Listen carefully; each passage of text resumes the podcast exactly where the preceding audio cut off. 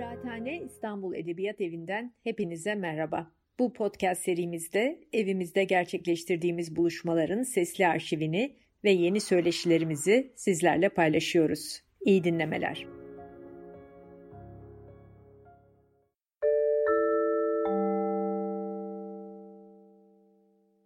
Herkese merhaba. Ee, bugün e, yeni çıkan Dünya Güzeldir Hala şiir kitabım ve Yedi Gece e, şiir müzik albümüm için buradayız.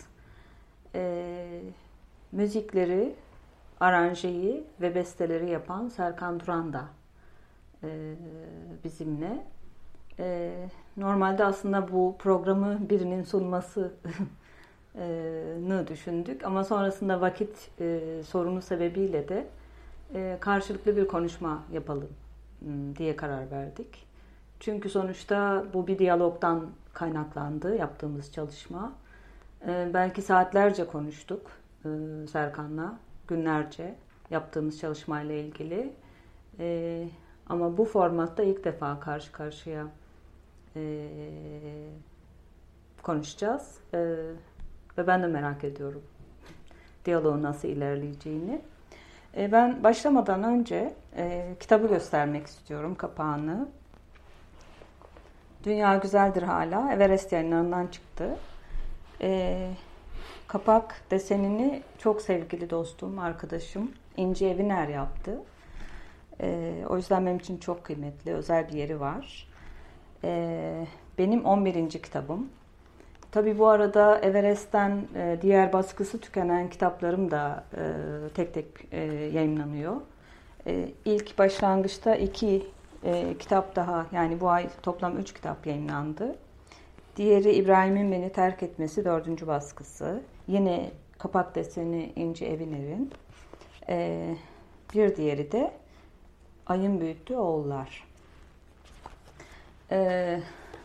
Şunları da göstereyim. Ee, biz albümü, müzik albümünü, şiir albümünü e, plak ve CD olarak e, hazırladık. Kalan müzikten basıldı. E, LP bu formatta. Beni çok heyecanlandıran bir format.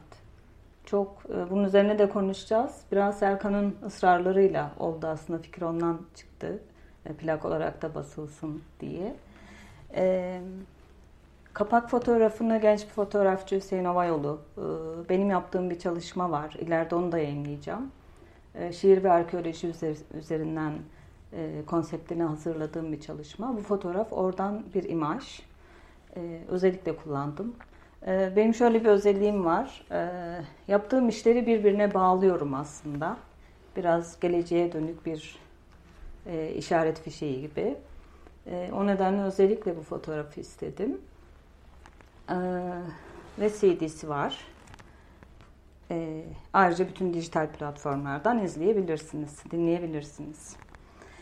Ee, Serkan hoş geldin. Hoş bulduk. Ev sahibi gibi hissediyorum kendimi ne burada. Güzel. Ee, öncelikle senle başlayalım. Ee, yani albüm fikri, bir şiir albümünü, müziklerini, prodüksiyonunu yapma fikri ve e, Hani yıllardır biriktirdiğim besteleri bu albümde kullanma fikri nasıl oluştu? Aslında şöyle, hikaye tabii 1994'e e, gidiyor. Oradan başlıyor. E, Bejan'la biz 1994'ten Ankara'dan tanışıyoruz. Ben o zaman müzik okuyordum. Bejan hukuk fakültesi okuyordu. İlk e, Rüzgar Dolu Konaklar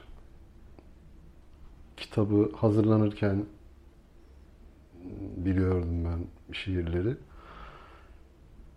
Rüzgar Dolu Konakları ilk senden dinlediğimde zaten oradaki e, şiirin melodisi, senin sesinin melodililiği, şarkılılığı çok belirgindi, çok etkilemişti beni. Tabii ondan sonra başka yollardan sanat hayatlarımıza devam ettik. Sen şiirler devam etti. Ben müziklere devam ettim. Yeniden buluştuğumuzda da biriken her şeyin aslında sanki aynı kökten e, filizlenmiş bir ağacın dalları gibi olduğu çok aşikarlaştı. O biriken müzikler senin şiirlerinle buluşma arzusu artık e, bir korkunç bir itekledi beni bunu yapmaya ve seni ikna etmeye. Ee, buradan filizlendi aslında bu fikir. Yani sözün, e, senin sözünün melodisiymiş gibi, sanki benim sözsüz bestelerimin sözleriymiş gibi o kadar bir akrabalığı olduğunu düşünüyorum ben. Bu akrabalık da tabi bastığı yerler zemin olarak birbirine yakınlığından kaynaklanıyor. Dolayısıyla o artık bir vahiy gibi. Bu yapılmalı fikre bizi buraya kadar getirdi. Evet. Ee, ben kendi e, hikayemi anlatayım nasıl olduğunu. Şimdi ben bunu aslında yapıyorum. Şiirlerimi müzik eşliğinde okuyorum. Ee, dünyada pek çok yerde, festivalde, konferansta, e, çok geniş izleyici topluluklarıyla defalarca e, şiirlerimi e, okudum. Temsillerde bulundum. Müzik eşliğinde de okuduğum oldu. Mesela en son yani burada anlatmak istediğim King's Place'de Londra'da Londra'nın önemli bir konser salonu. Yeni salonlardan biri. Orada 350 kişilik bir e, izleyici topluluğuna İtalyan bir caz piyanistiyle bir temsil yapmıştık. Ben Kader Denizi şiirlerimi okumuştum.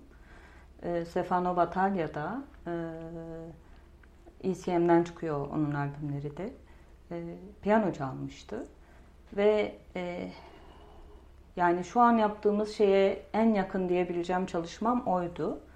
Ama orada da sanki tam oturmayan bir şey vardı. Yani piyano benim şiirim bir enstrüman olarak e, ayrı ayrı yerlerde demlenmiş ve çok da duygudaş olmayan, iç içe geçemeyen, iç içe geçemeyen gibi hissetmiştim.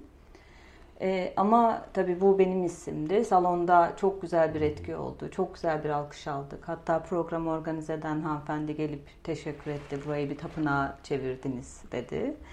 Ee, buna benzer şeylerim var, deneyimlerim ve de e, benim şiirlerimi müzik eşliğinde okuyup albüm yapmam için e, pek çok teklif de aldım bugüne kadar. Israrlar da oldu. E, isim vermeye gerek yok burada ama en çok anmak istediğim yine e, Marco Sabio İtalyan bir yapımcı, Tanita Tikaram'ın yapımcısı. Londra'da 98 senesinde, 99'da pardon, e, benim bir okumama gelmişti. Fransız bir arkadaşımın tanıdığıydı. E, ve o zaman e, yani Türkçenin sound'u çok ilginç. tahminimin çok ötesinde yumuşak tınlıyor ve senin sesin ilginç geldi bana demişti. beraber bir çalışma yapalım. Ama ben o zaman 99 senesi henüz yolun başındayım ve hiç orada değildim. Ne ruhum oradaydı, ne aklım oradaydı, ne hayat oradaydı. Pek çok sebeple e, hemen reddettim. Duymadım bile, öyle söyleyeyim. Falan. Şimdi bunca yıl geçti aradan. E, biraz şöyle görüyorum. Sanki insan sahiden yaş aldıkça e, kendi sesini e, duyabilecek bir kıvama geliyor. Cesareti buluyor. Daha net söylemem gerekirse. Çünkü ben e, yaptığım şeyleri e, geri dönmeyi çok seven biri değilim. Yaparım, tamamlanır. Bütün emeğimi, çabamı, zamanımı, e, bütün mükemmeliyetçi, neredeyse hastalık düzeyindeki mükemmeliyetçi halimle hani bir virgüle kadar e, yayın evinde mesela dizgiyi yapan arkadaşımız Becan Hanım şu virgülü falan gibi böyle ironik cümleler de bazen hani beni öyle bilirler. Hani son virgülü de şöyle yapalım. Bakın orada şu nokta şöyle oldu falan. Bütün işlerimi öyle yapıyorum. Çok titiz. Ama bittikten sonra da tamamlanıyor ve o kendi yolculuğunu yapıyor ve ben çok da dönmek istemiyorum. Yani yurt dışında da yaptığım bütün bu temsillerde, okumalarda tekrar dönüp bakmadım hiçbirine. Kendi sesimi duymaya çok e, hiçbir zaman hevesim olmadı. Şey olmadım. E, böyle bir ihtiyacım olmadı. Ama Peki, şimdi bu çalışmada Seni buna seni buna ikna eden şey, bu çalışmada ikna eden şey ne oldu? e, öncelikle şunu söyleyeyim. Müzikler, senin müziklerin. E, orada duyduğum yakınlık, akrabalık duygusu, melodilerdeki lirizm e, beni yakaladı oradaki melodiler, oradaki derinlik. E, ruhtaşlık diye bir şeye ben çok inanırım. Ruhsal derinliğin e, benzerliği sanatçıların buluşmalarında. Zaten o derinlikte bir yaklaşma olmuyorsa olmuyor, havada Beraber kalıyor. şey yapalım. yapalım. Havada kalıyor. Ya da zamana kalmıyor. O yüzden mesela müzikler beni e, etkiledi öncelikle. E, ve diğer yanı da az önce söylediğim gibi o psikolojik boyutu. Benim artık kendi sesimi duyabilecek cesareti e, bulmamla ilgili. Ee, senin şiirinde beni aslında e, iten bir başka şey, senin şiirinin herkes kendi sesiyle okur mutlaka. Okurken kitaptan, kendi iç sesiyle, kendi sesiyle duyar. Ben şunu çok iste- istemiştim. Senin bu okumalarından gerçekten bir haberdim. Yoksa bir şekilde takip ederdim ben bunu. Ee, senin sesindeki duygu partikülleri, yani o küçücük nefesler, küçücük küçücük esler, o dalgalanmalar kendi içerisinde bir melodi barındırıyor zaten. Senin şiirin çok şarkılı bir şey olduğu için e, onu melodiyle beslemek çok kolaylaştı. Aslında o müzikle mesela şiirini nasıl duydun? Çok ilginç. E, duygu partikülleri tanımın çok önemli bir e, tanım. E, ben şiiri hep müzik olarak duyuyorum başlangıçta. E, ve kaydetme imkanım varsa kelime oluyor. Sonradan kelime oluyor. Önce ses, sonra kelime. Ve kelime olduktan sonra da o sesi orada kapatıp e, aslında mühürlüyorum, düğümlüyorum. Bu müzikle tekrar okumak tam sözünü ettiğin o duygu partiküllerini sanki açığa çıkarmak e, gibi oldu benim için. Yani kendi sesimdeki e, o yüzden mesela bu tarz e, buluşmalar yani sanat disiplinlerinin karşılıklı e, konuşmalarında e, sanatçının bir şeyi yaparken, üretirken e, mühürlediği, kapattığı şeyi açığa çıkarması açısından da ilginç bir yolculuk olabiliyor. E, ben böyle yaşadım. Özellikle şeyi çok net hatırlıyorum. E, Glela e, şiirini. E, sen müzikleri hazırlamıştın. Sonra benden bir okuma yapmamı istedin ve o ikisi buluştuğunda müzikle okuma e, şöyle bir şey oldu ve hayatımda ilk defa ben 25-30 yıldır e, neredeyse şiir yayımlıyorum ve okuyorum. Ama ilk defa sanki kendimin dışına çıkıp kendimi gördüm. Kendime baktım. Kendime, hayatıma, köklerime. Glera çok öyle bir şiir çünkü. Çok e, tamamen benim Kökler. doğduğum ev, yuva, kökler, e, bütün o orada hissettiğim varoluşsal, zamansız, e, sonsuz bir konuşma aslında Glela. Ölümle, doğumla. E, ve Glela'yı dinlerken, kendi okumamı, senin yaptığın müzikle dinlerken çok başka türlü, kendimi ilk defa gördüm. Yani şiir yazan kendimi ilk defa fark ettim ve bu anlamda bana hani başka türlü bir açıklık, bir ayna gibi geldi ve e, çok da tarif edemeyeceğim. Belki cümlesini kuramayacağım. Çok ilginç bir ruh hali yaşadım o anda. Özellikle o şiirde. E, tabii şiire şairinin ses vermesi çok e, çoğu insan şunu söyler. Şairler iyi şiir okumazlar. Kendi şiirlerini iyi okumazlar. E, olabilir şiir okumak zordur. Ama ben şuna inanıyorum. Şair şiirini en doğru okur. Çünkü o yaparkenki duyguları en iyi şairi bilir, yazan bilir. Ve bu yüzden mesela ben işte son 25-30 senedir neredeyse dolaştığım o festivallerde, okumalarda e, bilmediğim diller, e, işte Portekizce, Çince, Arapça bazen e, şairlerin sesini hatırlarım ben. E, oralarda temsil yapmış, okumalar yapmış şairler bende sesiyle var. O sesi taşıyorum.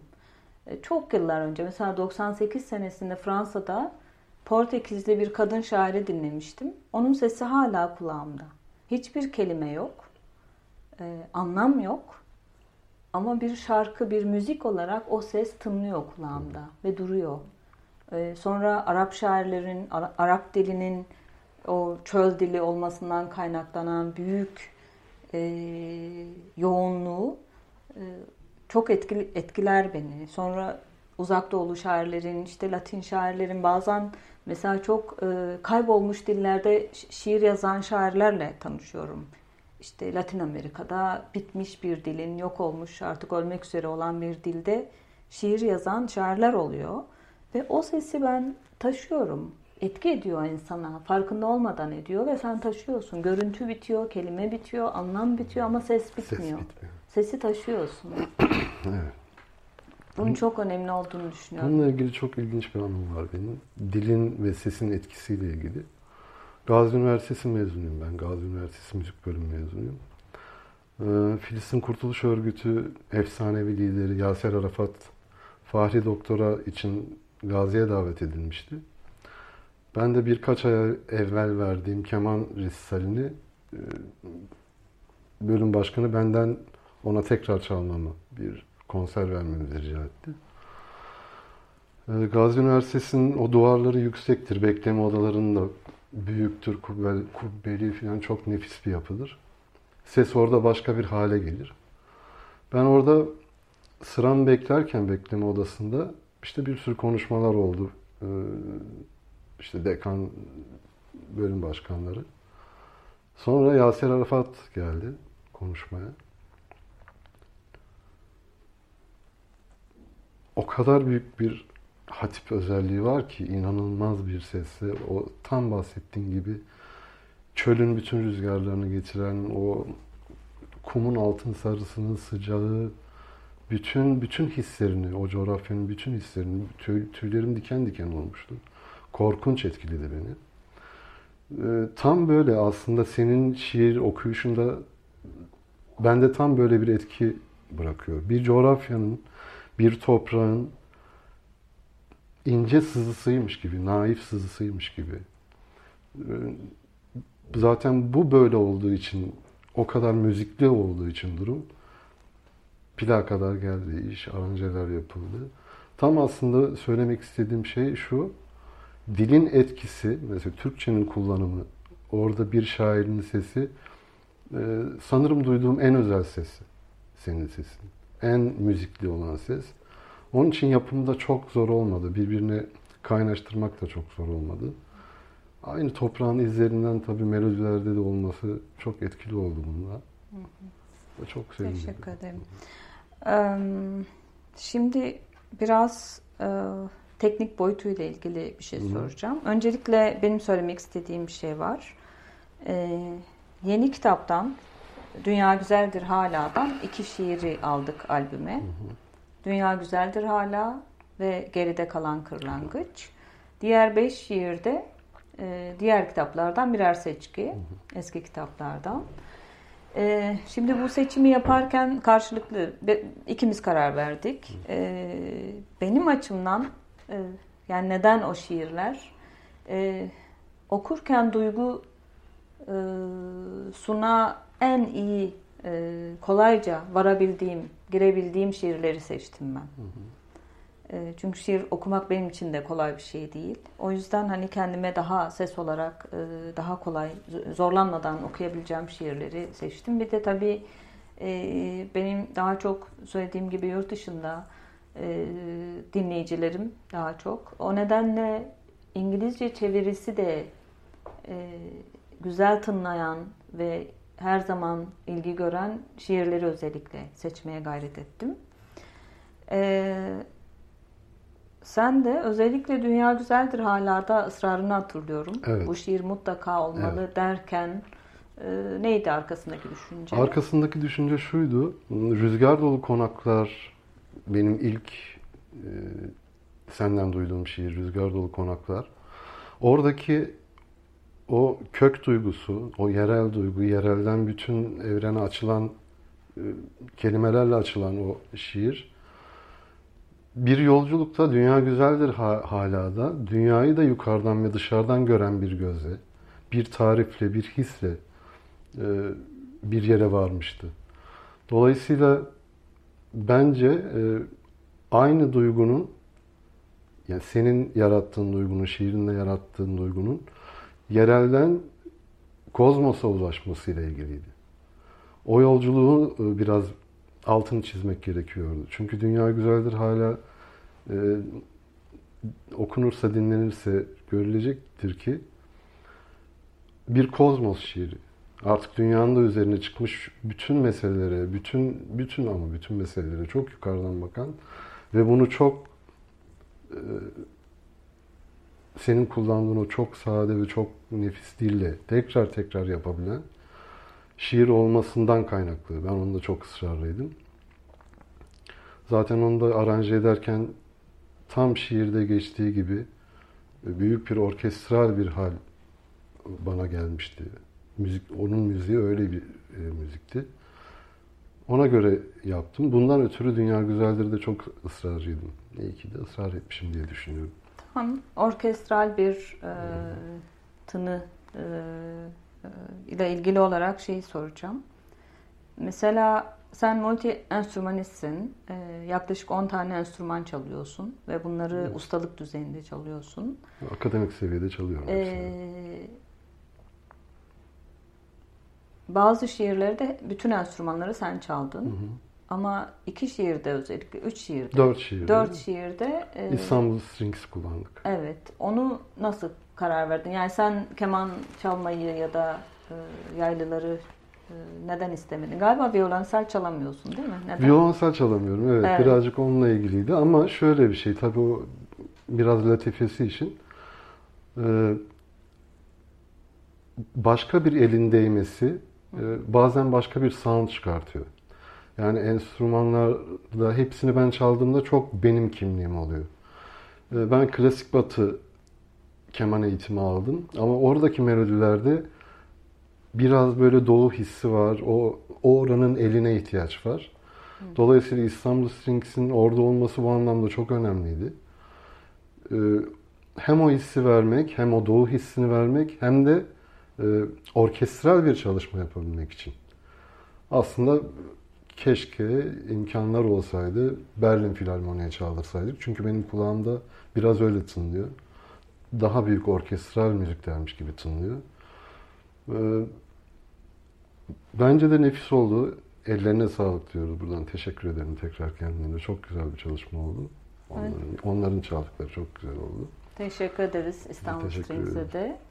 Ee, biraz senin müzik yolculuğunu da e, izleyicilerimize anlatalım. Ee, nerelerden birikti? Ee, nerelerden nasıl bir birikti? yolculuk yaptın bugüne kadar?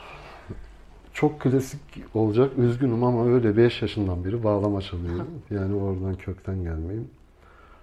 Ee, İhsan Öztürk ve Coşkun Gülay'la bağlama çalıştım. Tezene tezene bütün ülkenin her köşesini bilirim.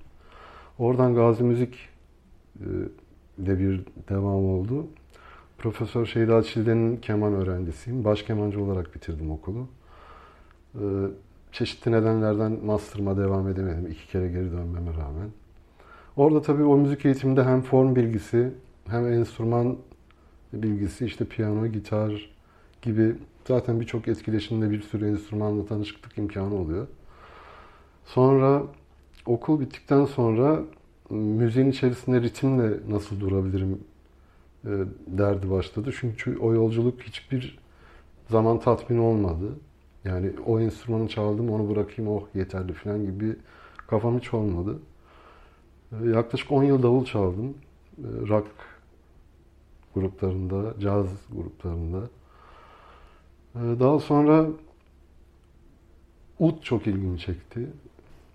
Çünkü o sanat müziği ya da Doğu müziğinin violonseli gibidir. Çok dolgun ve nefis bir hissi var. Ee, Cinuçen Tanrı son öğrencisi Yusuf Koçak'la ut çalıştım. Önemli atölyeler yaptık beraber. Daha sonra Buzuki çok ilgimi çekti. Bağlamadan da yakınlığı var. Zaten bozuk bağlama demek Buzuki. Ee, son 15 yıldır da Buzuki ekledim repertuarıma. Bunlar enstrümanlarla ilgili yolculukları. Tabii e, ilk zamanlardan itibaren yani üniversite yıllarından itibaren beste yapmaya başlamıştım. Birçok beste yaptım. Sözlü, sözsüz, kullanılan oldu, kullanılmayan oldu. E, bu projede kullandığım müzikler Hint müziğiyle tanışmamla birlikte hı hı. E, dolmaya başlayan müzikler. Hint müziği form olarak bence dünyadaki şu anda en güçlü müzik. İcrası en zor müzik. Çok başka bir e, duygusu, başka tek başka ruhu var. 4000 yıllık çok köklü bir geleneği var. E, oradaki formu öğren öğrendikten biraz bilme vakıf olduktan sonra besteler o yöne doğru kaydı. Büyük zamanlı müzikler, işte bizim bildiğimiz şeyler birçok türkü dört dörtlüktür, birçok şarkı dört dörtlüktür. Ben Metuşa'yla da Dünya Güzeldir'i e, müziklendirdiğim bestede ilk orada başladı. 99 yılının bestesi o. 16 zamanlı bir melodi geldi ve o benim çok büyük bir kapı açıldı müzikal olarak birçok şeyi biliyordum ve o besteyle ne kadar küçük bir öğrenci olduğumu anladım tekrar. Hı. Oradaki yolculukta bu zamana kadar biriken bestelerle Senin bir de 23 isimli evet, yine bu albümde kullandın. Evet. Ee, 23 zamanlı bir beste 23 zamanlı ne demek? Biraz 23 zamanlı Biraz delilik yani. Biraz delilik evet. sayması biraz zor, sayması uzun, e, cümle çok geniş. Hı hı. Benim bildiğim Hindistan'da da yok 23 zamanlı bir şey. Henüz karşılaşmadım. Ee, herhangi bir coğrafyada karşılaşmadım. Bir hayalin e, sanatsal ifadesi oldu 23 ve kırlangıç kırlangıçtaki o kırlangıç hissiyle o çünkü çok naif bir şey kırlangıç. Onun sızısıyla da biraz buluştu diye düşünüyorum. Evet. Ee, şimdi biraz plak olarak, LP olarak basılması e, başlarken söylediğim gibi bana çok heyecan veriyor. Ee, şöyle hissediyorum. Sen de hani nasıl düşündüğünü anlat isterim. Ee, bir defa bizim açımızdan, bizim kuşağımız açısından çok nostaljik de bir şey. Yani bizim çocukluğumuzda biz yakaladık o zamanı. E, plaklar hala vardı. Hayatın içindeydi. E, çoğu insanın hayatında devam etti. E, arada bir boşluk var. Şimdi tekrar dünyada da bir retro durum var. Böyle bir geriye dönük. Ve plakların tekrar talep gördüğü konuşulan bir şey. Tabii dijital teknolojiler geliştikçe sesi tabii ki insanlar oradan dinliyorlar. Ama bir obje olarak da hani bulunduğu yerde, evinde görmek istiyor. Evet. Ee, ve bunun bence en ideal formu plak. Evet. Ee, aynı zamanda bana şöyle geliyor. Plak bir yani kapladığı yer hacmi, cisim olarak e, neredeyse taşa yakın hissediyorum. Evet. Yani o taş plak e, tanımlaması nereden tabii onu tam bilemem. Belki daha teknik bir şeydir evet, ama teknik. Ben mesela plan rengine, dokusuna baktığım zaman sanki bir siyah taş, çakıl taşına dokunuyormuşum gibi organik bir obje hissi veriyor bana.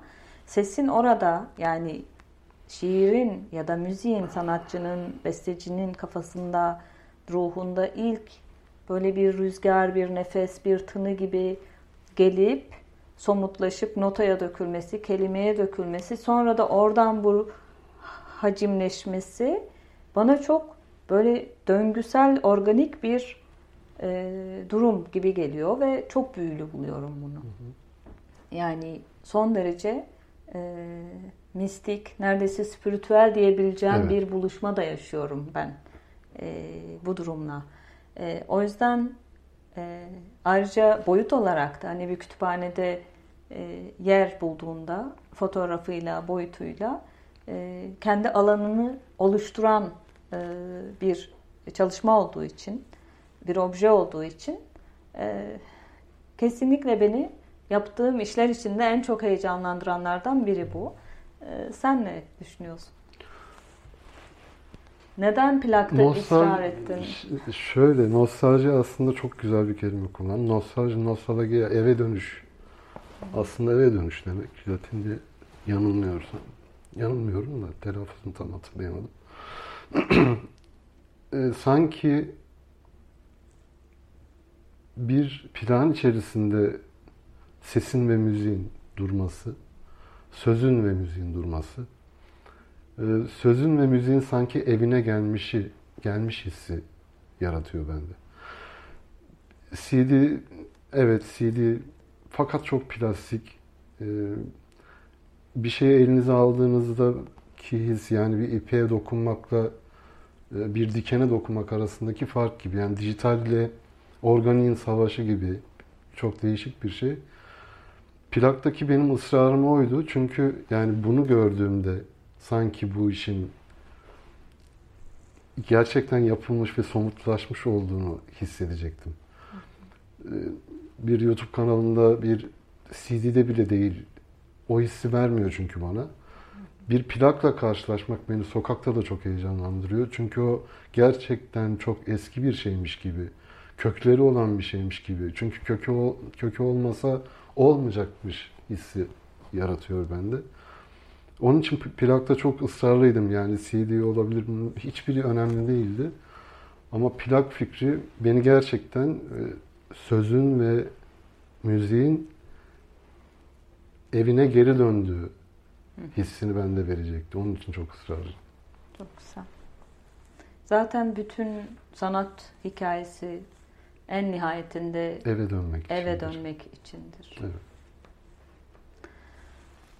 Ah, ben biraz plağın içindeki şiirleri isimlerini söylemek istiyorum.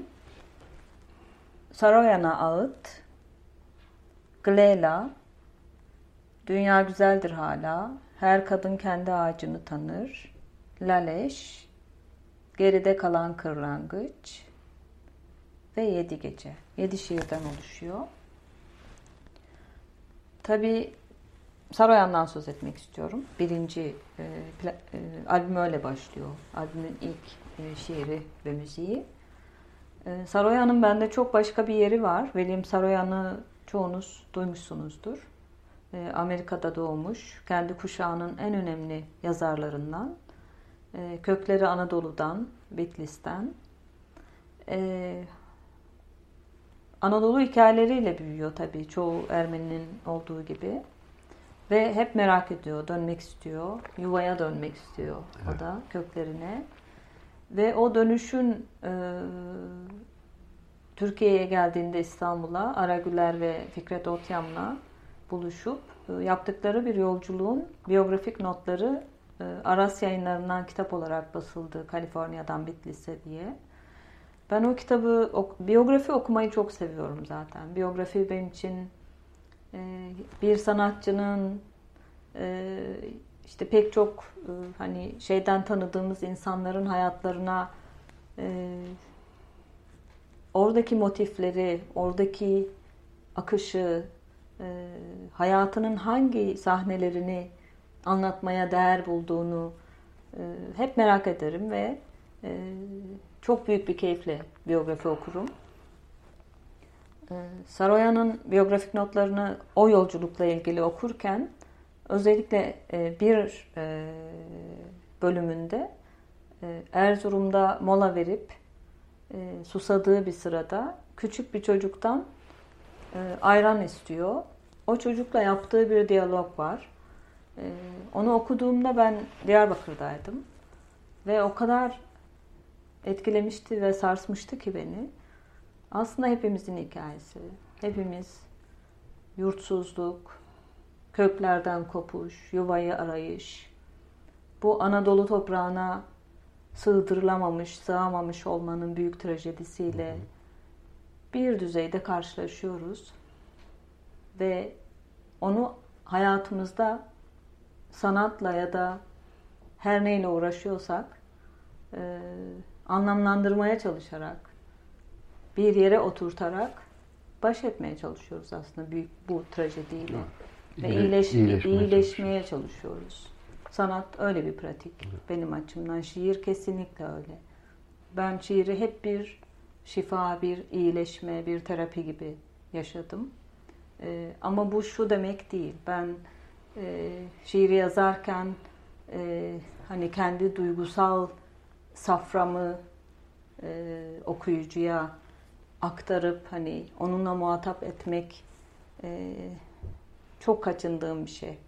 E, sanatta bu tavrı doğru bulmuyorum. Hı hı. Bu tarz sanatta ilgimi çekmiyor. Yani çok daha derin, varoluşsal bir sızının peşindeyim. Her zaman. O tarz romanlar ilgimi çekiyor. O tarz filmler, o tarz müzikler. Çünkü herkesin acısı var. Bireyin gündelik hayattaki acısı değil mesele. Daha büyük varoluşsal, daha köklere dair, daha insan oluşumuza ve onun anlamına dair bir sızı, bir e, soru ve cevap e, aslında bütün konu. E, o yüzden oralarda dolaşan çalışmalar beni e, her zaman yakalıyor bir biçimde ve Saroyan'da da öyle oldu. Ve şiiri bitirdiğimde e, tabii ben şiiri yazdıktan sonra uzun süre dönmüyorum. Çünkü o du- duygu çok yoğun olduğu için hemen o duyguyla yeniden karşılaşmayı istemiyorum ve onu bir e, soğutma, bekletme süresi var. Bazen bu çok uzun sürüyor. O yüzden benim yayınlama, ben kitap hazırlarım. Yani tek tek şiir yayınlamak ilk yıllarda belki yapıyordum. İşte Defter dergisinde ve pek çok adam sanatta e, bazı şiirlerim yayınlanmıştı ama çok azdır. E, benim artık neredeyse rutin bir periyodum oluştu.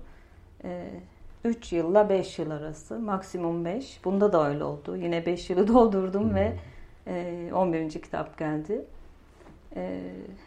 Hani o duyguyu soğutup bekletmek, e, o duyguyu o duygudan uzaklaşıp onun üzerinde bir editing yaparken e, çünkü ben eksiltme yapıyorum. Bir heykelci gibi çalışıyorum şiir üzerinde. Fazlalıkları atıyorum, o safraları, o e, yüzeyde gezen duyguları. E, onların hepsinden yalıtıp daha derindeki, daha özünü e, çünkü öz orada duruyor. Sen istesen de zaten o bir şey gibi mermer ya da bir duvar gibi. Yani istesen de bir tuğla çekemiyorsun. Hı hı. Çünkü onu çektiğinde bütün yapı bütün yıkılıyor. Evet. Ve o tuğla sana söyler nerede durman gerektiğini. Ee, o, onun ötesine geçemiyorsun. Bu anlamda benim dille ilişkim çok organik de bir ilişki. Ee, bir heykelci gibi o fazlalıkları yontarak, atarak e, ama onu yapabilecek e, gözü ve netliği bulmak için arada bir zaman ve onu mutlaka bir soğumaya bırakmak e, gerekiyor. Ben o yüzden sanatın sessizlikte demlenmesi gerektiğine çok inanıyorum. E, sanıyorum sen de e, böylesin. Evet. Bir sükunetin var. Başka evet. bir derinlikte arıyorsun. E, belki de o yüzden hani bu çalışmada e, güzel bir dil kurabildik. E, ben artık E, son defa ne demek istersin e, izleyicilerimize? Ondan sonra kapatalım. Şöyle, e, son söylediğin üzerinden bir şey söylemek istiyorum. Gerçekten sanat sessizlikte demleniyor. E, karanlığın gücü çok çok etkili. Özellikle müzik çalışırken bir sessizlikte ve karanlıkta çalışmak çok etkili. Sanki ilk önce karanlık varmış gibi ve sonra sanat geldiğinde her şey aydınlanıyormuş gibi bir hissim var. Seninle yaptığımız şey de gerçekten bende yarattığı en önemli hislerden birisi budur. Şifadan bahsediyoruz, iyileşmekten bahsediyoruz, köklerimizi aramaktan, ayaklarımızı doğru yer, yere basmaktan, mutlu bir yere basmaktan en azından helalleştiğimiz bir yere. Bu çalışma Yedi Gece albümü benim açımdan böyle bir hissi var. Sanki bütün e, karanlıkta demlenen melodilerin sözle buluşup bir aydınlığa, bir ışığa kavuşması gibi. Çok keyifli bir çalışmaydı benim açımdan. Kendi öz evladım gibi görüyorum bu çalışmayı. İyi ki yaptık. Çok teşekkür ediyorum. Ben teşekkür ederim. Ee, ışık ve karanlık meselesi e, karanlıkta çalışırken e, aslında ışığı olmayan insan ışığa varamaz. O yüzden ben büyük depresyondan iyi bir sanat çıkacağına inanmam. O ümidi, o canlılığı, o ışığı içinde taşıyan insanın yolculuğu aslında. Karanlık bir anlamda. Derken... O yüzden o karanlığın içindeki ışık e, tam o aslında insana yolu gösteren, kapıyı açan ve nihayetinde de o ışığı gösteren o. E, Dünya Güzeldir hala da 3 bölüm var. E, ışık, güneş toz. ve toz. E, keyifli bir okuma dileyelim izleyicilerimize ve dinleme. Ee, Serkan çok teşekkür ederim. Ben teşekkür ederim. Ee, teşekkür ederiz. Umarım başka bir e, buluşmada yine birlikte oluruz. Hepinize iyi akşamlar.